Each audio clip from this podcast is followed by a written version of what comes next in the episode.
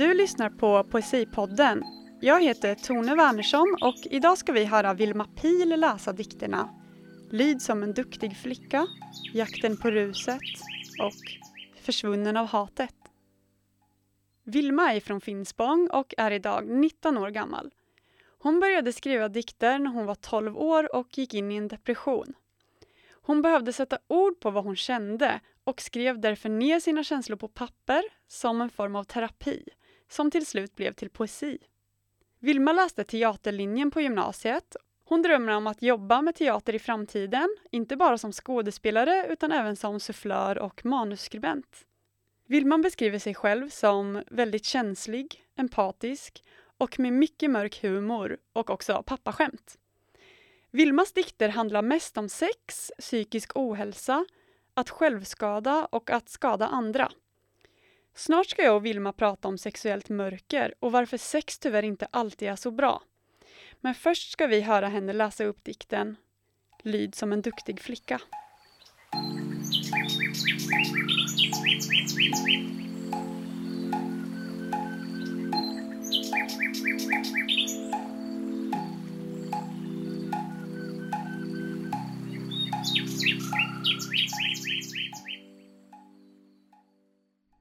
Mina byxor gled sakta av.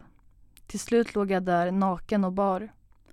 Hans fingrar snuddade vid min kropp. Men jag var nog inte beredd och ville säga stopp. Men hur gör man när ens pojkvän vill ha sex? Då ligger man där som smör utbrett på ett kex.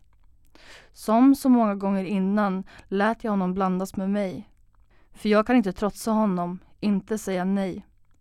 Varför skulle jag? Han var ju mitt allt. Men blicken han gav mig var mörk och mitt inre blev kallt. Hans händer runt min hals i ett hårt stadigt tag tog ifrån mig min andning och gjorde mig svag. Själen tog ett kliv ur min kropp, satte sig på hyllan och tröstade mig med hopp. Hopp om att det snart skulle vara slut. Men ett slag kom och han sa stöna och njut.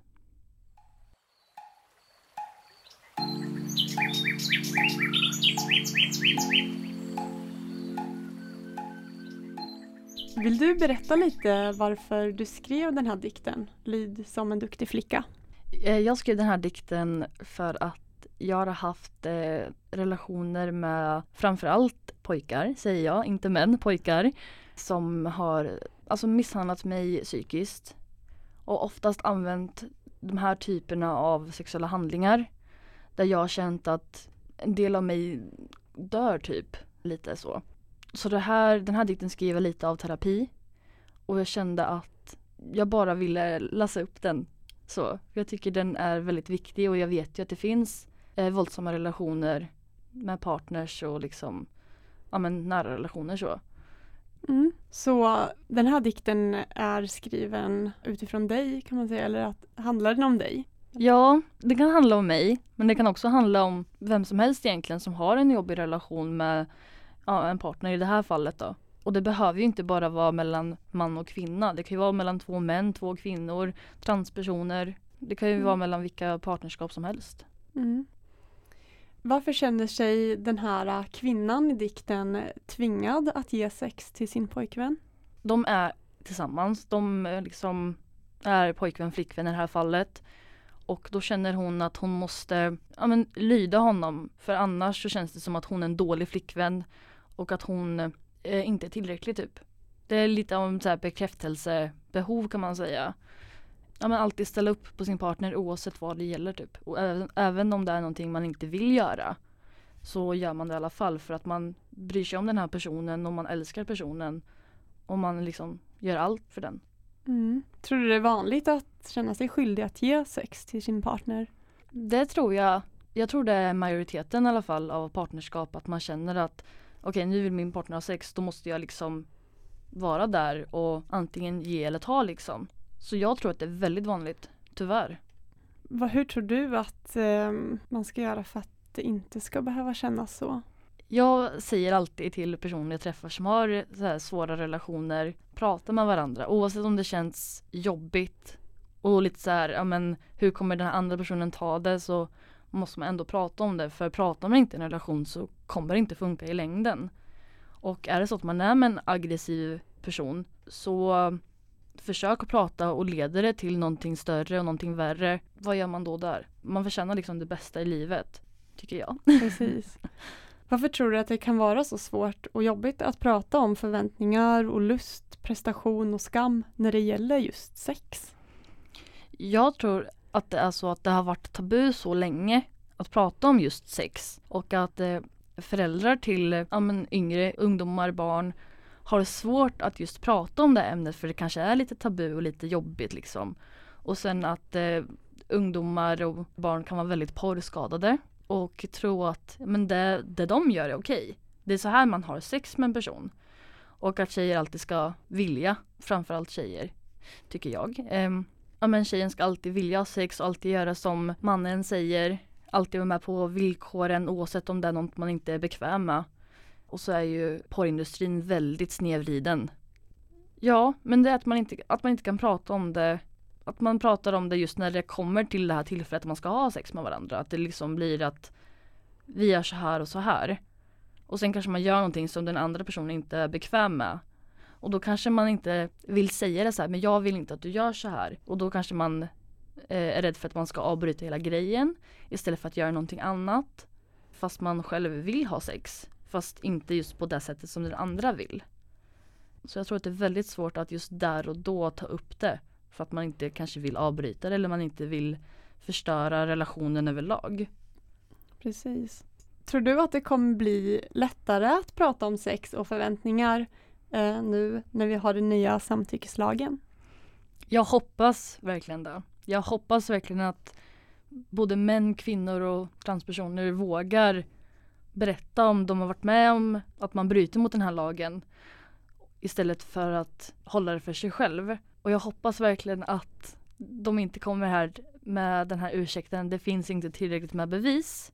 Eller vad hade du på dig? Eller ja, allt det där skitsnacket de håller på med känns det som. Jag hoppas att man blir trodd på istället för att, som just i den här dikten som jag skrev, att det är en relation. Att men ni är ju tillsammans. Då är det liksom inget fel. Sen kanske det kändes okej för den andra personen men det är ju vad en själv känner som räknas. Absolut, ja verkligen.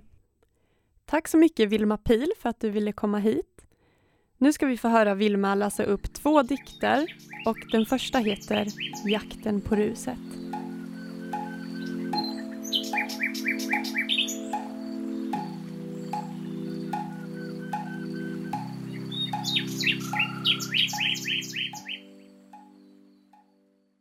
Mina nätstrumpbyxor var fyllda av hål och ur mig rann det blod. Jag stapplade mig fram genom natten och jag visste att ingen förstod. Vissa människor gick bara förbi, men andra de stannade och log. Men inte ett leende av förståelse och tröst, utan ett leende att vilja betala för att få ta på mina bröst. Det enda jag ville var att någon skulle höra min röst. Männen som betalade var någons make, son eller far. Men vad spelade det för roll när de fick ta mig där jag låg med rumpan bar? Och ibland var det till och med par. Allt jag ville var att det skulle ta slut. Men jag behövde mitt rus, något förbannat. Mitt rus som bestod av piller, sprutor och en del annat. Snart är det klart, snart är allt samlat. Och när det är klart ska jag till Nirvana och träffa mina systrar som också har ramlat. Nu tänkte jag läsa upp dikten som heter Försvunnen av hatet. Homosex var blott en fantasi. En fantasi vi alla ville leva i. Men sjukdomen fick oss att låta bli. För människor dog som flugor. De som en gång gått i ett par skor fanns inte längre och sorgen var stor. Allt som vi trott på och allt som vi drömt var kanske något vi egentligen glömt. Och att leva med sjukdomen, att älska en annan man, var ingenting rätt, ingenting man kan. Men det enda jag ville var att bli älskad och hörd, ville bli känd på, ville bli rörd. Men mannen jag älskade var nära sin död. Han stod inte ut med allt hat som de sa, att hans föräldrar och vänner påpekade att han inte var något att ha. Jag försökte att rädda honom och visa att allt skulle bli bra. Men det var för sent. Han hade redan bestämt sig.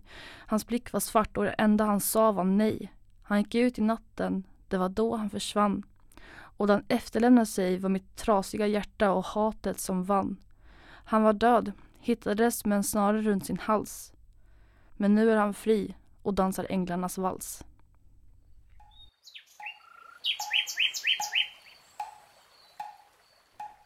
Om ni vill följa Vilma så hittar ni henne på Facebook under Vilma Pil. Pil stavas P-I-H-L. Vill du följa oss eller har du någon fråga?